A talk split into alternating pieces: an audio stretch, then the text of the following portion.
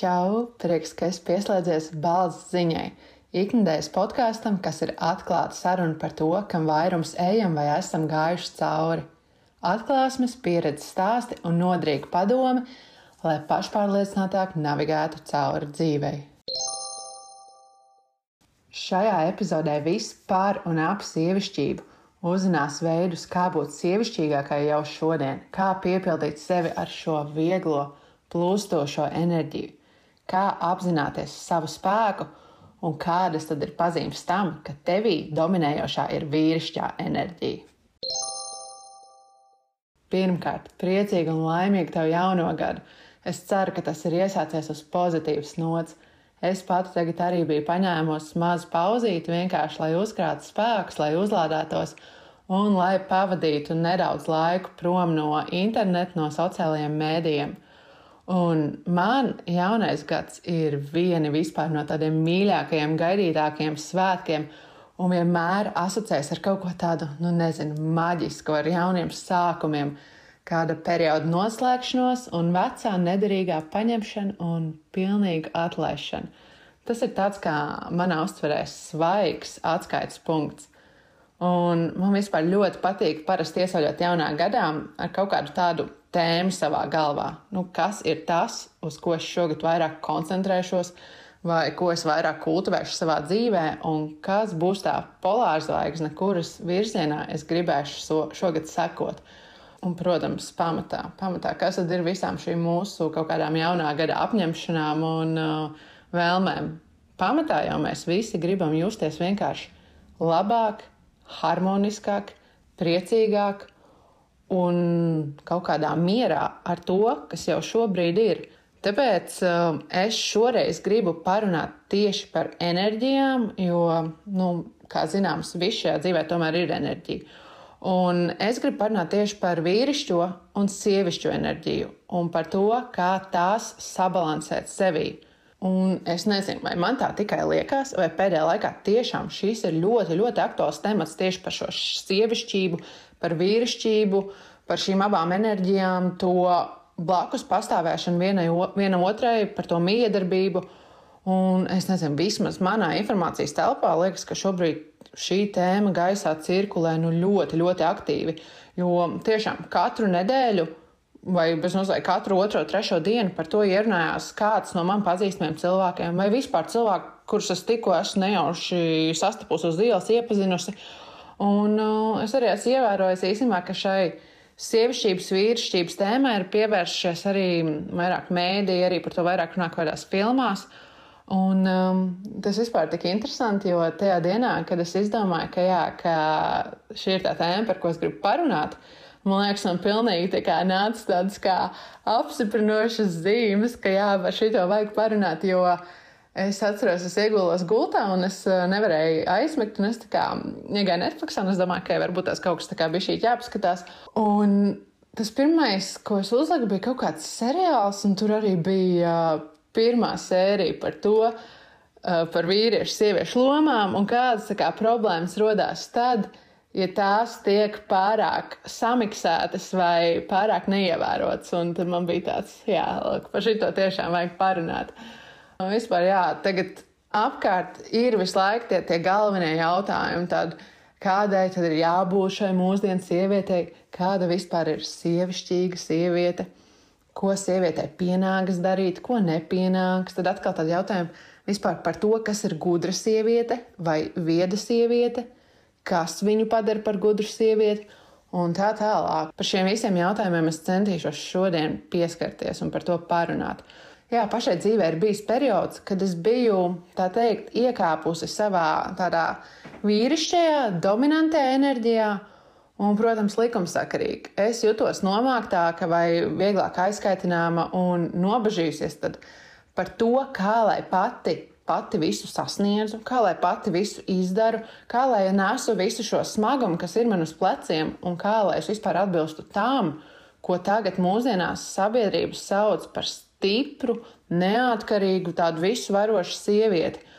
Un paldies Dievam, ka šis posms manā dzīvē bija ļoti īss, bet teikt, tiešām ļoti vajadzīgs, jo tas bija pamācoši un diezgan ātri dzīve mani atkal iemācīja kultivēt un atgriezties tieši pie tā spēka, kas jau manī ir. Nevis censties to mākslīgi radīt, un nevis censties kaut kādā veidā būt pēc iespējas līdzīgākai vīrietim. Protams, jāatcerās, ka sievišķā un vīrišķā enerģija tas nav kaut kas tāds, kas piemīt tikai vienam no dzimumiem. Tas nav tā, ka, jā, tu esi sieviete, tātad tevi caurstrāvo tikai sievišķa enerģija, vai tu esi vīrietis un tu, tu viss, tu tev ir tikai šī vīrišķa enerģija. Nē, katrai no mums ir gan šis sievišķais, gan vīrišķais elements. Un šīs enerģijas mūsos katrā ir dažādās proporcijās. Un kad mēs iemācāmies šīs abas enerģijas sevi līdzsvarot, tās balansēt, tad arī mēs jūtamies daudz harmoniskāk, daudz labāk, mierīgāk, daudz plūstošāk. Un vispār ļoti daudz gan par vīrišķo, gan par sievišķo tiek runāts uh, ne tikai mūsdienās, bet arī jau sen, sen vēsturē par to ir runāts un domāts. Tas arī ļoti spilgti parādās vēdās, svētajos rakstos, bet, protams, tagad mēs dzīvojam citā pasaulē, citā sabiedrībā. Ir lietas, kas mūsdienās varbūt nav tik aktuālas, vai ja mēs censtos tās realizēt mūsdienās, tas būtu varbūt pārāk ekstrēmi. Tomēr ir vairākas lietas, ko mēs varam no tā aizgūt, ko mēs varam mācīties, un ko tad mēs varam adaptēt šai pasaulē, kurā mēs dzīvojam tagad. Jo arī, piemēram, tajās pašās veidās ir teikts, jā, ka vīrišķā enerģija tā ir vērsta uz āru, uz došanu, uz strādāšanu, uz tādu aktīvu domāšanu, aktīvu darbību.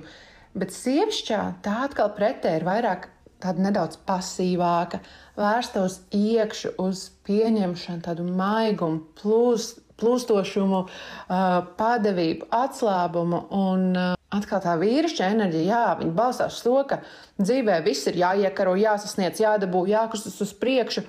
Un, man liekas, mēs paši pašas paši esam redzējuši, jā, ka tad, kad vīrietim tiek nozagta šī iespēja būt vīrietim, pie kaut kā strādāt, uz kaut ko tiekties, būt tajā darbībā, tas vienkārši atņem no viņa visu spēku. Viņš jūtas nekam nevajadzīgs, un tad arī vīrietis izlaižas un paliek tāds slings. Es arī pati atceros, ka es ar tēti kaut kad nesen runāju, viņš man stāstīja arī jaunībā, kad es biju tikko piedzimusi. Un mamma ar mani bija mājās, un tajā laikā arī bija nu, mazāk naudas. Un tad viņš stāstīja, jā, ka viņš strādāja dažādas darbiņas, lai uh, sapelnītu to naudu, ka viņš atnāca mājās, un pēc tam viņa gāja ar mammu tur pirkt visādas ēdienas, visādas lietas. Viņš jutās tiešām tik vajadzīgs, tik novērtēts, un man liekas, tas arī dod vīrietim to spēku. Bet, jā, tā vīrišķa enerģija, protams, ir raksturīga. Tas darbs, sasniegumi, spēja dot labumu, sevi pierādīt. Tagad arī vispār, man liekas, mēs dzīvojam tādā laikā, kad šī vīrišķā enerģija ir kļuvusi par dominanto vispār kopumā visā sabiedrībā. Tiešām tiek runāts par stipru, neatkarīgu sievieti, par sievieti, kura visu var pati. Nu, protams, protams, ka var. Es tam pilnībā piekrītu, jo mēs fiziski varam izdarīt tiešām ļoti, ļoti, ļoti daudz lietu. Jā, varbūt ir kaut kas, ko mēs nespējam izdarīt tik labi no fiziskajām lietām, kā to spēj vīrietis, jo mēs neesam tīri tā radītas, un mums varbūt tās nav tas testosterona līmenis tik augsts. Bet tomēr ir ļoti daudz, kas, kam mēs turam līdzi, un, protams, ir daudz, kas varbūt tās kur kaut kāda atsevišķa sieviete var būt daudz pārāk par vīrieti. Te nav runa par to, kurš dzimums ir labāks, kurš ir spēcīgāks, kurš ir kaut kādā veidā pārāks.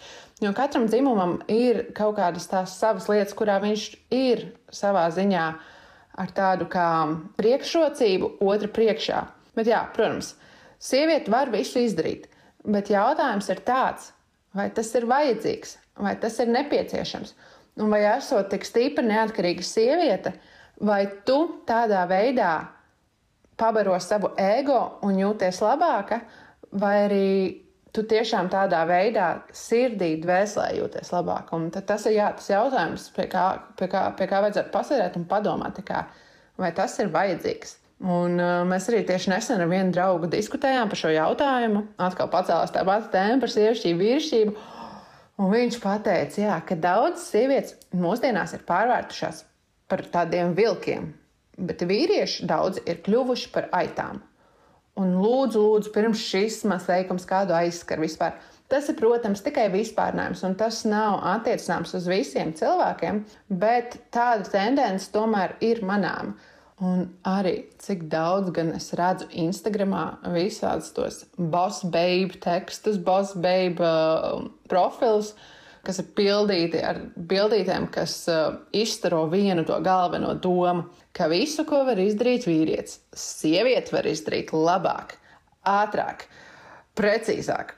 Un tā tālāk. Protams, es nerunāju par to, ka ir jāvalda patriarchijai. Un es nebūtu nedomāju, ka sieviete ir kaut kāds glups, pasīvs, nevarīgs zvēriņš, kam ir visu laiku jāsēž uh, kaut kāda vīrieša ēnā, jāklusē un ar visu jāsamierinās. Nē, nē, nē, tā galīgi nav. Bet es runāju par to, ka gan sievišķai, gan vīrišķai enerģijai ir kaut kādas tās savas raksturīgās iezīmes, raksturīgās uh, īpašības, un ka šīs abas enerģijas, tās abas ir ļoti būtiskas. Neviena nav ne ar ko labāka par otru. Tās tieši viena otru papildina, un gluži vienkārši nav līdz galam viena bez otras iespējams. Un es teikšu godīgi, es to neuzskatu par nekādu dzimumu nelīdztiesību vai kaut kādu sieviešu diskrimināciju, bet par kaut kādu pilnīgi normālu parādību. Protams, ja vien mēs neejam atkal kaut kādās pilnīgi ekstrēmās pusēs. Jā, jā, es zinu, protams, jā, ir ļoti daudz cilvēku, kas domā pretēji, man teikt, nepiekritīs. Bet nu, katrs mēs dzīvojam un veidojam savu dzīvi pēc saviem ieskatiem. Un es arī vispār esmu ievērojis, ka pretēji poli savā ziņā bieži vien pievelkās. Um, viņas tad veidojas tāds kā līdzsvars, jo, piemēram, ļoti tādas dominantas dzelzceļa sievietes. Viņas bieži vien īstenībā iepatīk šādiem sievišķīgākiem vīriešiem, kuriem jā, ka patīk, ka sieviete pati visu izdara, ka, viņi, ka, viņi, ka tā sieviete par viņu var, var ņemt tādu virsroku. Un nu, bez mazliet kļūst par tādu kā mammīti viņam. Un atkal ir otrādi, ka tādas situācijas, kad ir tādas ļoti, ļoti sievišķīgas sievietes, un viņas bieži vien arī pievelk tādus stiprus, vīrišķīgus vīriešus. Nu, tas, protams, nav vienmēr, bet tas ir, tas ir mans tāds novērojums. Jo kas vienam ir vairāk, otram ir mazāk, un tas viss izlīdzinās un radās harmoniski līdzās pastāvēšana. Un man vispār liekas, jā, kad, kad ja ir radīti tādi apstākļi, kuros sieviete var būt sieviete, tā vien jau viņai ir bauda būt sievietei, ka tā var atrasties savā sievišķajā enerģijā. Un atkal, kad ir tādi apstākļi, kur vīrietim ir dota telpa būt vīrietim, tas viņu arī spēcina. Un tad viņam arī ir tas gandarījums būt vīrietim. Un man liekas, ka nav jau arī tā, ka daudzām sievietēm tā ir bijusi apzināta izvēle. Lūk, paņemt, uzlocīt savas rokas augšā, iekāpt biksēs un iekāpt šajā savā mīrišķajā enerģijā, tur nepārtraukti rukāt un domāt par visiem, visiem tikai ne sevi. Tāpat liekas, kā tāda norma, ka mēs uzskatām, ka sevi visu laiku kādam ir jāziedo. Jāpalīdz visiem pēc kārtas. Tajā brīdī, ja mēs visu laiku dodam, dodam, dodam, dodam, dodam, mēs paliekam tukšas, un mums beigās vairs nav ko dot. Tā mēs iztukšojam šo savu enerģiju. Tāpēc ir ļoti svarīgi, lai cik ļoti mēs mīlētu apkārtējos, lai cik ļoti mēs gribētu dot citiem, primāri vajag iedot arī pašam sev. Jo tā, kad tu esi sev iedevis to enerģiju, to atpūtu, to mīlumu, tad tev arī ir tālāk tas spēks, ko tad dot citiem un kā par citiem arī rūpēties. Protams, daudzām sievietēm tā nav apzināta izvēle. Varbūt rīkoties tā, kā viņš šobrīd rīkojas, vai uzvesties tā, kā viņas tagad uh, uzvedās. Bet varbūt citreiz vienkārši nav kaut kādas citas izvēles, vai dzīve piespiež darīt to, ko negribas.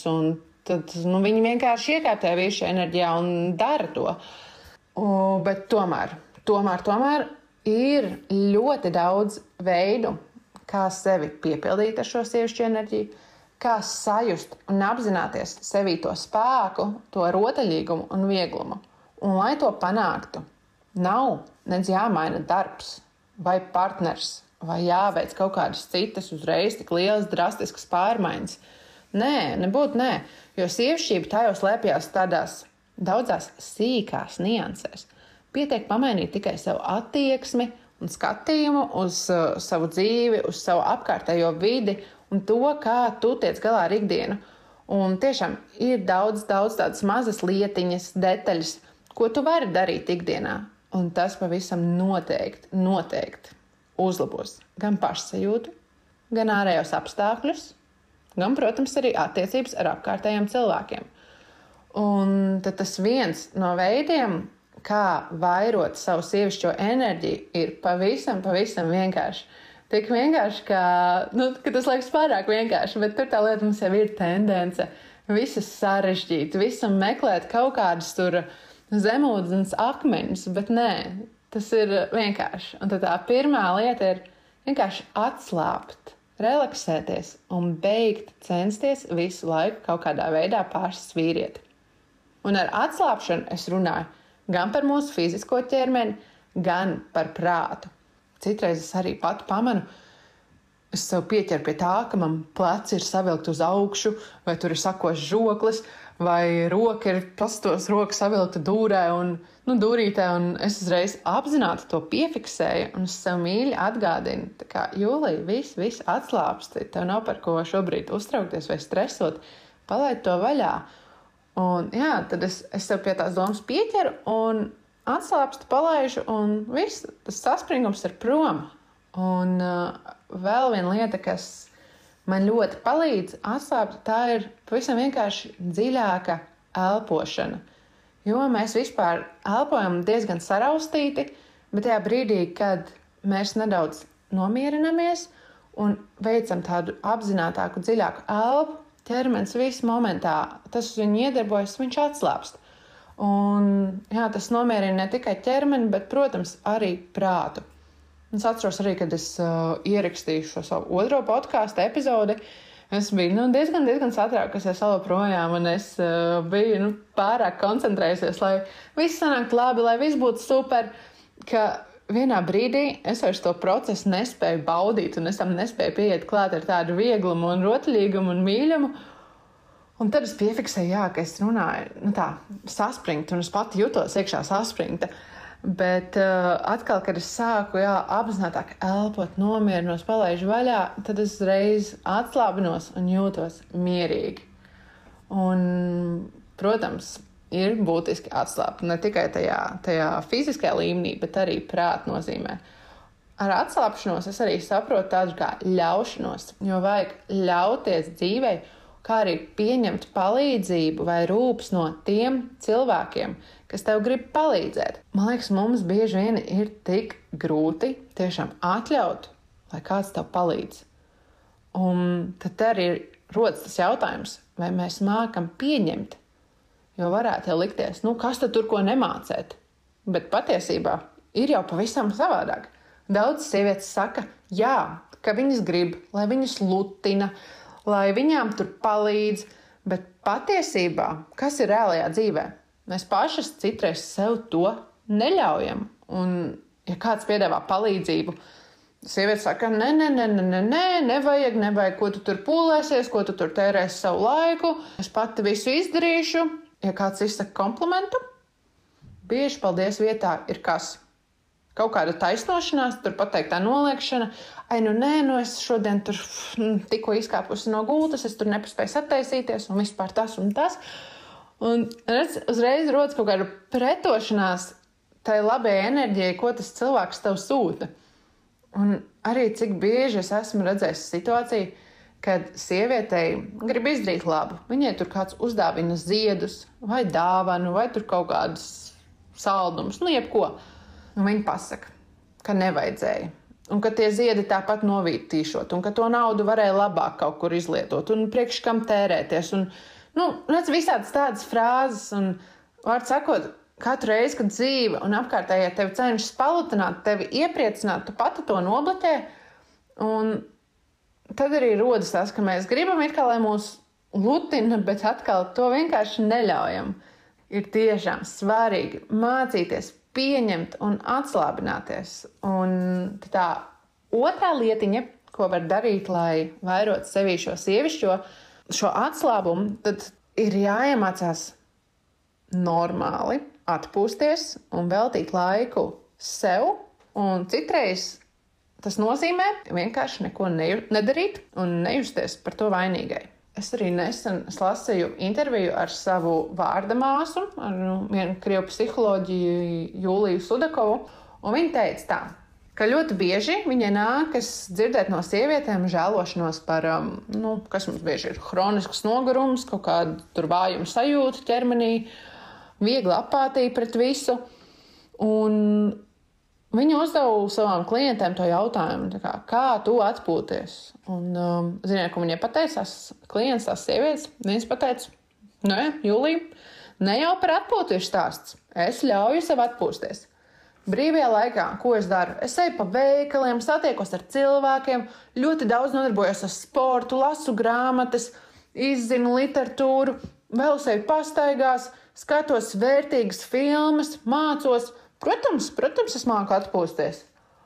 Un tad viņa klientiem uzdeva jautājumu, vai viņas varētu kādu no savām brīvdienām visu šo dienu, nu, pa lielam neko nedarīt. Vienkārši vārtīties gultā, vai vannoties, vai aiziet uz kaut kādu pirts rituālu, skatīties vieglas filmas, nevis tur kaut kādas nomācošas zinātnisku materiālu Un pavisam vienkārši ne par ko nedomāt, bet visu dienu pabūt tādā nu, ļoti atslābinātā stāvoklī. Un vairums sieviešu atbildēja, ka nē, ka viņas tā nespētu, ka viņas justos vainīgas, viņām liktos, ka viņas dara kaut ko neliederīgu. Bet sievietei tas ir ļoti svarīgi prast, totāli atslābinoties. Un tagad atkal tas parāda to, cik ļoti mēs esam jau ieprogrammēti un tendēti uz to, ka visu laiku ir jābūt darbībā, visu laiku kaut kas jāpaspēj, kaut kur jābūt. Bet vajag padzīvot vismaz vienu dienu, pilnīgi un totāli savā ritmā, nesteigties, nenogružot prātu ar kaut kādu lieku informāciju, ar darbu sārakstiem un ar kaut kādiem sarežģītiem jautājumiem, kas ir jārisina. Bet vienkārši šajā dienā uzpildīties ar šo atslābumu enerģiju Un ne par velti mēs tik ļoti izbaudām dažādas spa procedūras, pirtis, vannas, masāžas. Tas viss mūs tā relaksē un tā atslēdz prātu. Un arī es taču pati arī mādu tā grākot ar šo visu. Es tagad atskatos atpakaļ uz decembri, un kad es sapratu, ka es tur jā, es daudz dienas jutos tāda izsmelta un aizkaitināta. Bet tas jau tieši bija šī paša iemesla dēļ, ka es sev biju iestāstījusi. Man tagad ir vairāk brīva laika šajā Covid um, pandēmijas situācijā, un man tas ir jāizmanto. Man ir jādara kaut kas liederīgs. Kaut vai jāpastaigā, kaut vai nedaudz jāpasporto, kaut vai jāsatiekas ar kādu, bet tam ir jābūt kaut kam liederīgam. Es nevaru visu dienu vienkārši nogulēt. Nē. Bet atkal, nevienmēr ir tā vēlme iet un kaut ko aktīvi darīt. Jo es jau sākotnēji teicu, ka pašos pamatos sievišķa enerģija tomēr skaitās pasīvāka. Un tas to izskaidroja, ka citreiz mums vienkārši vajag nu, neko nedarīt, un tas mūs pēc tam tā uzpilda. Un es arī nesaku, ka tā ir jāpavada visas savas brīvās dienas, un kā dārzenītam ir jāguļ gultā, neko nedarot. Un tomēr vismaz reizi mēnesī sievietei tomēr ir forši dot sev tādu pienākumu. Lūk, atpūtināt gan ķermeni, gan prātu. Un tā arī saglabājas veselība, nervi, skaistums. Un, kad tu esi atpūties, tu atplauksti, un tad tev ir arī spēks, gan vēlme sniegt to savu mīlestību un enerģiju apkārtējiem. Jo primāri tu to esi sniegusi pati sev. Ir arī smieklīgi ļoti daudz darbību, kuras apzīmē kā tādas, nezinu, sieviešu enerģiju kultivējošas, bet arī tās nav iespējams veikt ar mīlumu, vieglumu un prieku. Ja tu esi neatpūtusies, tas man acis priekšā uzbūr tādu ainiņu ar sievieti, kas kaut kur izlasa visu, kas jādara sievietei. Tad nu, viņi ņem un pilnīgā spēka izsīkumā tur šmorē svētku mīlestību, kotletes, salātus. Uh, Vai arī viņi tur ir uh, nolēmusi, jā, pievērsīsies rokdarbiem, un tad tur kaut ko griež un līmē, un tā pati ir izbasījusies, ka nekas vispār nesanāk un nepēc kā neizskatās. Vai, uh, protams, ļoti daudz runā par to, ka vajag sajust savu ķermeni un dejot. Un tad sieviete arī tur mājās domā, nu labi, tā kā es esmu dusmīgi izbasījusies, tagad padejošu. un tad viņa dejo. Un uh, skatās spoguli, tad viņa jūtas tā kā tīzli, ka ir tāda stīva, un, un kad nesanāk, un, un īpaši vēl priekšā ir uzlikts kaut kāds video, kur tā sieviete tik plūstoši dejo, tad ir tāds, kāpēc es tā nevaru padejot. Un tad atkal ir sievietes, kas izdomā, nu labi, tad tagad um, ķeršos citam sieviešu darbiņam klāt, tur mēģināšu gleznot. Un tas arī nesanāk. Un tad tur dusmojās, ka zīmējums nepēc kā neizskatās. Bet ko var cita gaidīt? Ja, mēs, ja mums nav bijis tāda pienācīga atpūta, un ja prātā ir kaut kāda putra, tad arī visas šīs darbības, kurām it kā būtu jārada prieks un uh, tāds vieglums, tas viss pārvēršas par kaut kādu saspringtu darbu, ko tu sev pats esi uzlicis darīt. Un tu to pēdējiem spēkiem no sevis izzīt. Tāpēc nevajag, nevajag nekad darīt nekādus darbus, kas it kā tur vairo to sievišķo enerģiju tikai darīšanas pēc. Jo viņiem, kad tu katru darbu, kad tu sāc darīt, tev tomēr ir jājūtās uh, mentāli tajā īstajā stāvoklī, uh, lai tam ķertos klāt. Un es tagad nerunāju, protams, kad mēs strādājam, bieži ir situācijas, kad ir jādara, kas jādara un viss, bet šos vairāk runāju par tādu savu brīvā laika pavadīšanu. Un, protams, ir teiciens, ka darbs dara darītāju, un tā mēs pilnībā, pilnībā piekrītam, jo mēs bieži vien tiešām uzlādējamies no tā, kad mēs saprotam, cik daudz foršu lietiņu mēs esam pa dienu paspējuši izdarīt. Bet šeit vairāk runāja tieši par tām situācijām, kad mēs jau esam pārstrādājušās un kad nekam nav spēka un kad mēs pārāk daudz atdodam savu enerģiju citiem. Ne par velti ir tas teiciens, ka atpūtusies sieviete ir skaista sieviete. Un šis arī ir tas mans uh, vēl viens ieteikums, kā justies sievišķīgai. Tas ir vairojiet skaisto savā dzīvē, gan ar telpu, gan ar to, kā tu izskaties. Un vispār jau tieši ir visvieglāk sākt ar savu izskatu man tas neliekas nec kaut kas sakals, nec kaut kas liekas, jo, kad sieviete jūtas patiesi skaista, tā gan staro pati, gan tā izstaro tādu pašpārliecinātību. Un es pati esmu par to vairāk kārtīgi pārliecinājusies, ja es pārāk ilgi tur ieņemu kaut kādu treniņu, bikšu un copas pozīciju. Nu, es sāku, nu, kā es pati sāku justies tā meh, man negribās ne kaut kur iet. Un pašapziņa arī pļukšu un noplok. Un tad arī ir tas, kad gribas vaļāties gultā, ēst neveselīgi un vispār nav motivācijas nekam. Tāpēc, es arī jūtos tādu sašķekusi un atbilstoši tam, kā es jūtos, tad tāda parādās arī tā apkārtējā ārējā pasaule. Tāpēc jā, man, man ļoti pašai patīk gan glīti apģērbties, gan tur sapucēties, gan arī sakopties tajās dienās, kad es vienkārši strādāju no mājām. Jo pavisam vienkārši tā es jūtos labāk un vispār arī motivētāk.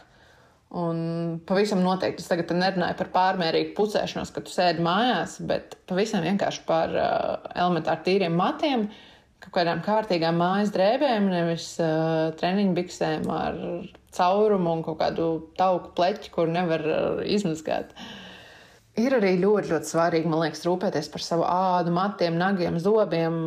Pa lielam jau sakopts cilvēks, viņš vienmēr būs vizuāli pievilcīgs. Tāpēc uh, es vienmēr skandinu, ka nevajag žēlot naudu, lai investētu kaut kādos kvalitatīvos sejas kopšanas līdzekļos, uh, vai savos matos, vai, vai, vai zobiem, vai nu, jebkamā, kas palīdz savest kārtībā tavu veselību. Man pašai kādu brīdi arī bija problemātiska sejas āda. Un tikai tikko decembrī, pagājušā mēnesī, es nonācu beidzot līdz savai optimālajai, galējai sejas kopšanas rutīnai. Un, protams, tagad jau kad seja man nav ar kaut kādiem sausiem ādas pleķiem, bet gan tāda glūda, mitrināta, es saprotu, jā, cik liela nozīme ir gan atbilstošiem sejas kopšanas līdzekļiem, gan krēmiem, un cik daudz tas spēlē uz tieši to, kā tu jūties. Uh, Arī, protams, tādas detaļas kā apgriezt matu gali, apgriezt kaut kādi diedziņi no drēbēm, tīri apavi. Tas viss liek justies, jā, sakoptai un skaistai. Protams, jā, es zinu, ka daudz man atkal šeit nepiekritīs, daudziem tas var likties pārāk liels čakars. Un, protams, arī es pati ar šīm lietām grākoju. Man nav tā, ka es te visu dienu, katru dienu staigāju apkārt, uh, setaisīsies un kā. Bet es vienkārši saku par to, ka es to ievēroju, tad es jūtos daudz labāk. Un man arī ļoti, ļoti, ļoti patīk vairot skaisto visur sev apkārt. Sakopt apkārtējā vide ir tik ļoti, ļoti uzlādējoša. Nu, taču piekritīs man. Es atceros vienu periodu, es īrēju vietu kopā ar vēl pāris cilvēkiem. Tā vieta man vispār nepatika. Tas bija šausmas. Viņa bija nu, negaumīga, tā kā tur dzīvoja vairāk cilvēki, nekārtīga, tāda nomācošās krāsās. Katru dienu, kad es atgriezos mājās, man bija tāds, ai, gribas ātrāk no turienes atkal tikt prom.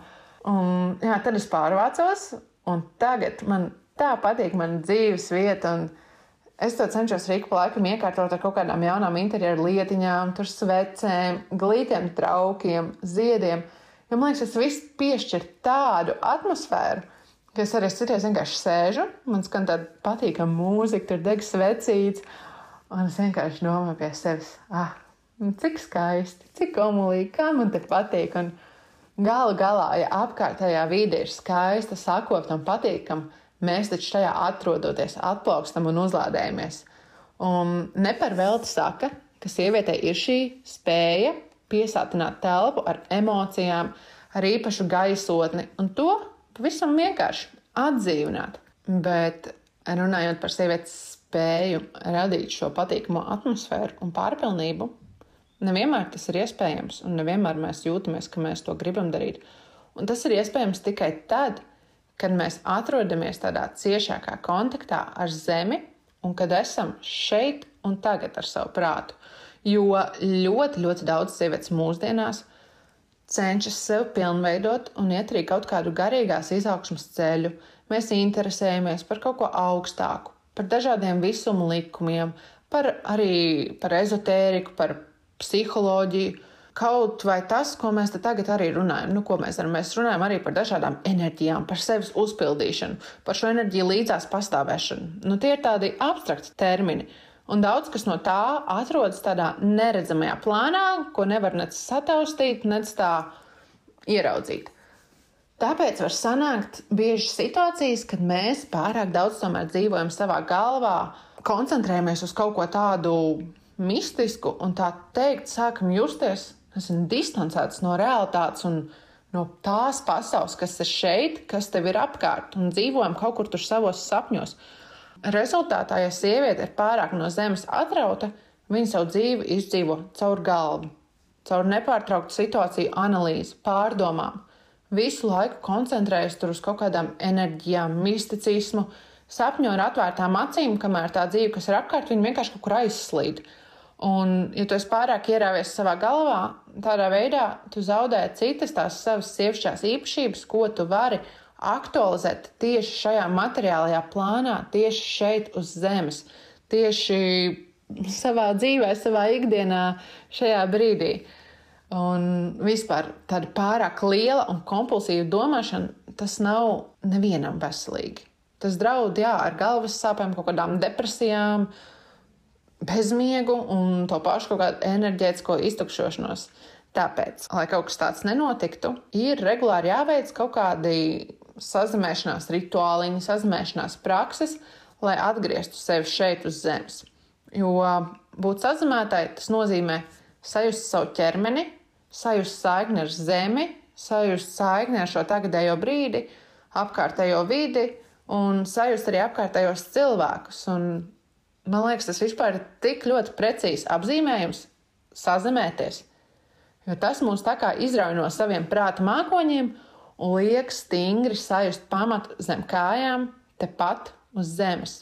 Un ir vairāk veidi, kā sazināties. Katrs mēs varam izvēlēties, kas mums labāk patīk. Bet viens no tiem, piemēram, ir fiziskās aktivitātes, mājas tīrīšana, tās pašas dēļas, trauku mazgāšana, kad pastaiga, pelda. Jebkas, kas izrauj no galvas, tā hops momentā un liek pārslēgt uzmanību uz ķermeni un stimulē tavas uh, maņas, un stimu, tas, tas stimulē to sazemēšanos. Un iesaka arī bieži vien pastaigāties ar basām kājām tieši pa melnu lauku zemi, lai atgūtu to saikni ar uh, zemi. Un vēl labs veids, kā sazemēties, ir, protams, dažādi tie pirts rituāli, pēršanās slotiņas, jo tad arī tev kairinās āda, tev ir patīkams sajūts un arī tā smarža. Viņa jau arī ļoti, ļoti uzmundrina. Un arī kad iešana augstā ūdenī, tas viss, tas viss rada tāds patīkams sajūts un atgriež realitātē. Es pati esmu mainīga. Es citreiz arī tur aizpeldu kaut kādos savos prāta mākoņos, bet pēc sazināšanas rituāliem, nu, paklausieties, es vienmēr jūtos tik fantastiski. Es jūtos dzīva, enerģiska un daudz ciešākā kontaktā gan ar apkārtējiem, gan pati ar sevi. Un arī sazinājoties, tā izslēdzot savu prātu, tieši tas radošais, sievišķais spēks, tas jau mūs atkal piepilda. Un tādā veidā, izslēdzot kaut kādu apkārtējo skaņu, apkārtējo troksni, mēs spējam daudz skaidrāk sadzirdēt savu intuīciju. Un, starp citu, mēnesis skaitās sievišķā planēta, kas apzīmē zināšanu. Un bieži taču cilvēki runā par sievietes viedumu, ka viņai ir šī intuīcija. Un ko tas nozīmē? Tas nozīmē to, ka viss, kas bieži vien sievietē ir jāizdara, viņai ir jāapņem un jāielūkājās sevī. Un tur ir visas atbildes, un tai nav nekas jādomā. Tā vienkārši, nezinu, kaut kādā veidā zina, ko darīt, zina, kas notiek, zina, kas notiks, kaut kā intuitīvi. Inti, intuitīvi. un es godīgi sakot, Es pat neatceros, kad pēdējo reizi mana intuīcija vispār man būtu par kaut ko pievīli, pievīlusi. Un es domāju, tu arī piekritīs, ka bieži nu, ir tā, ka tu kaut ko zini, un viss tev pajautā, kā tu to zini. Tev ir kaut kāda pierādījuma, vai, vai, vai uh, kāpēc tu domā, ka tā ir, vai kāpēc tu domā, ka tā notiks. Bet tu vienkārši zini, un paiet laiks, un tas parādās. Jā, notiek viss tieši tā, kā tev likās, kā tu domāji. Uh, citreiz pat ir tā, ka tu zini, ka tūlīt, tūlīt tev kāds piezvanīs. Un tiešām paiet minūte, paiet pusminūte un ieskanās telefons.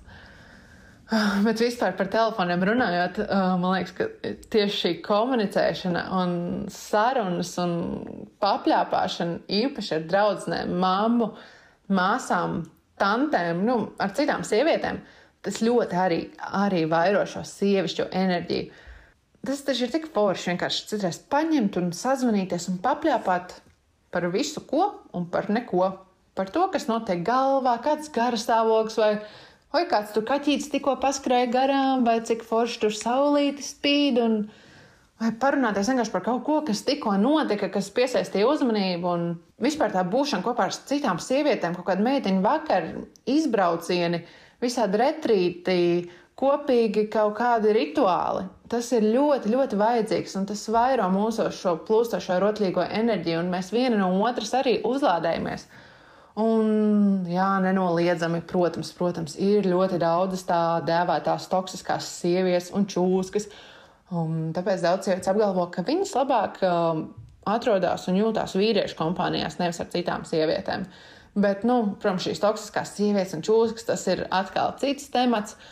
Un šo komunikāciju ar sievietēm, laika pavadīšanu kopā ar sievietēm, es vairāk attiecinu uz sev tuvām sievietēm, kurā, ar kurām tu jūties ērti, un kurām tu vari uzticēties, un ar kurām tu jūties, nu, tā teikt, droši. Arī runāt par to plāpāšanu. Ai, es atceros, man agrāk tās bija tādas šausmas, kad ieraudzīju, ka man zvana telefons. Uh, Es pie sevis domāju, ah, nu pats, nu viss, tūlīt atkal 45 minūtes būs jārunājas, un tā negribās. Un varētu šo laiku tagad veltīt kaut kam liederīgam un darīt kaut ko vērtīgu.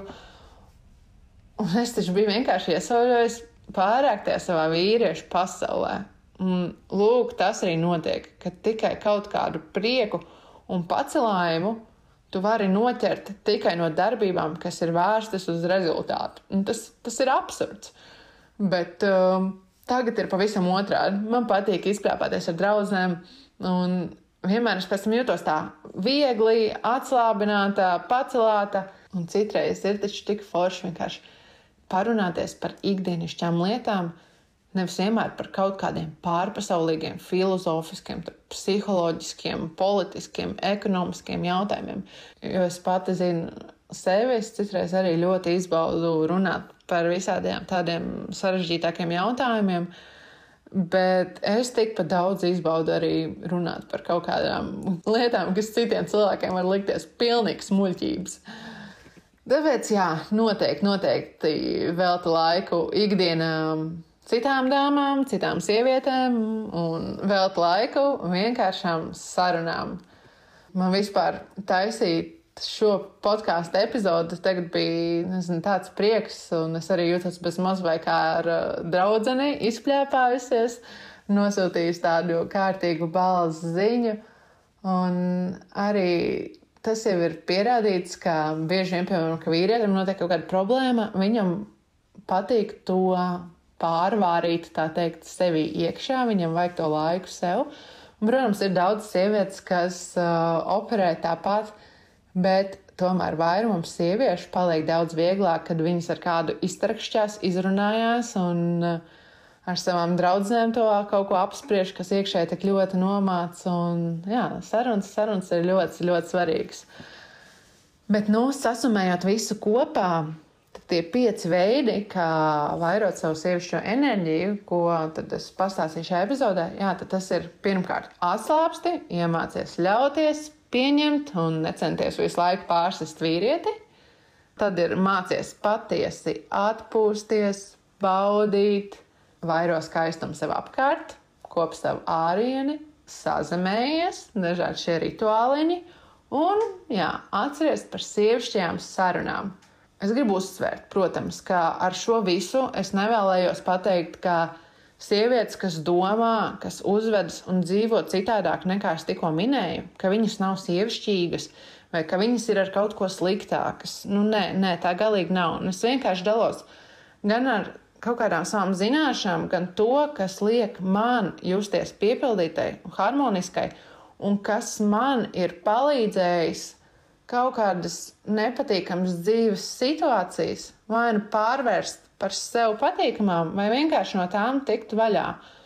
Un vispār tieši šī sievišķība un tās sievišķās īpašības, darbības, visā tie rituāli, tā ir tik, tik plaša tēma, un es par to varētu vēl runāt un runāt, bet, nu, To es pataupīšu varbūt par kādai citai epizodei, jo es tiešām apsveru domu ierakstīt otru vēl epizodu par šo tēmu kādreiz, bet uh, jā, tad tagad es beigšu, bet, bet tu vari man droši rakstīt, pastāstīt arī par to, kas tevī vairo šo sievišķo enerģiju.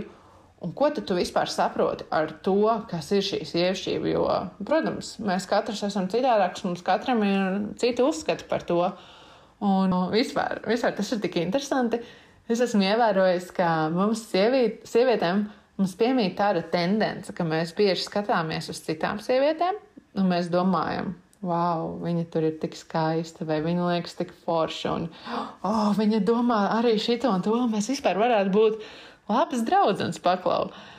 Bet mēs vienmēr to padomājam, bet mēs neejam klāt. Un es pat ar to vienmēr, nu, labi, nevienmēr, bet gandrīz vienmēr daru. Jā. Un, man liekas, tas arī īpaši novērojams kaut kādās sporta zālēs. Uh, Viņš pasties, visi vīrieši brīvi tur uh, savā starpā ar kādiem nepazīstamiem runājās, tur viens otram palīdz un tur vēl kaut ko, bet sievietes mēs tur vairāk tur klusībā, tur savā stūrītī pildam savus vingrinājumus, tur novērojam. Tas ir tā, tā, man liekas, mums īpaši raksturīgi. Tāpēc, jā, ja tev ir kaut kas sakāms, vai tu gribi ar ko ar mani padalīties, noteikti vari man rakstīt, ar mani dalīties. Un arī vienalga, vai tu tur esi sieviete vai vīrietis. Bet, jā, paldies, paldies, ka noklausījāties, ka bija ar mani. Tagad teikšu tā, un lai tev mierpilna diena. Līdz nākamajai reizei!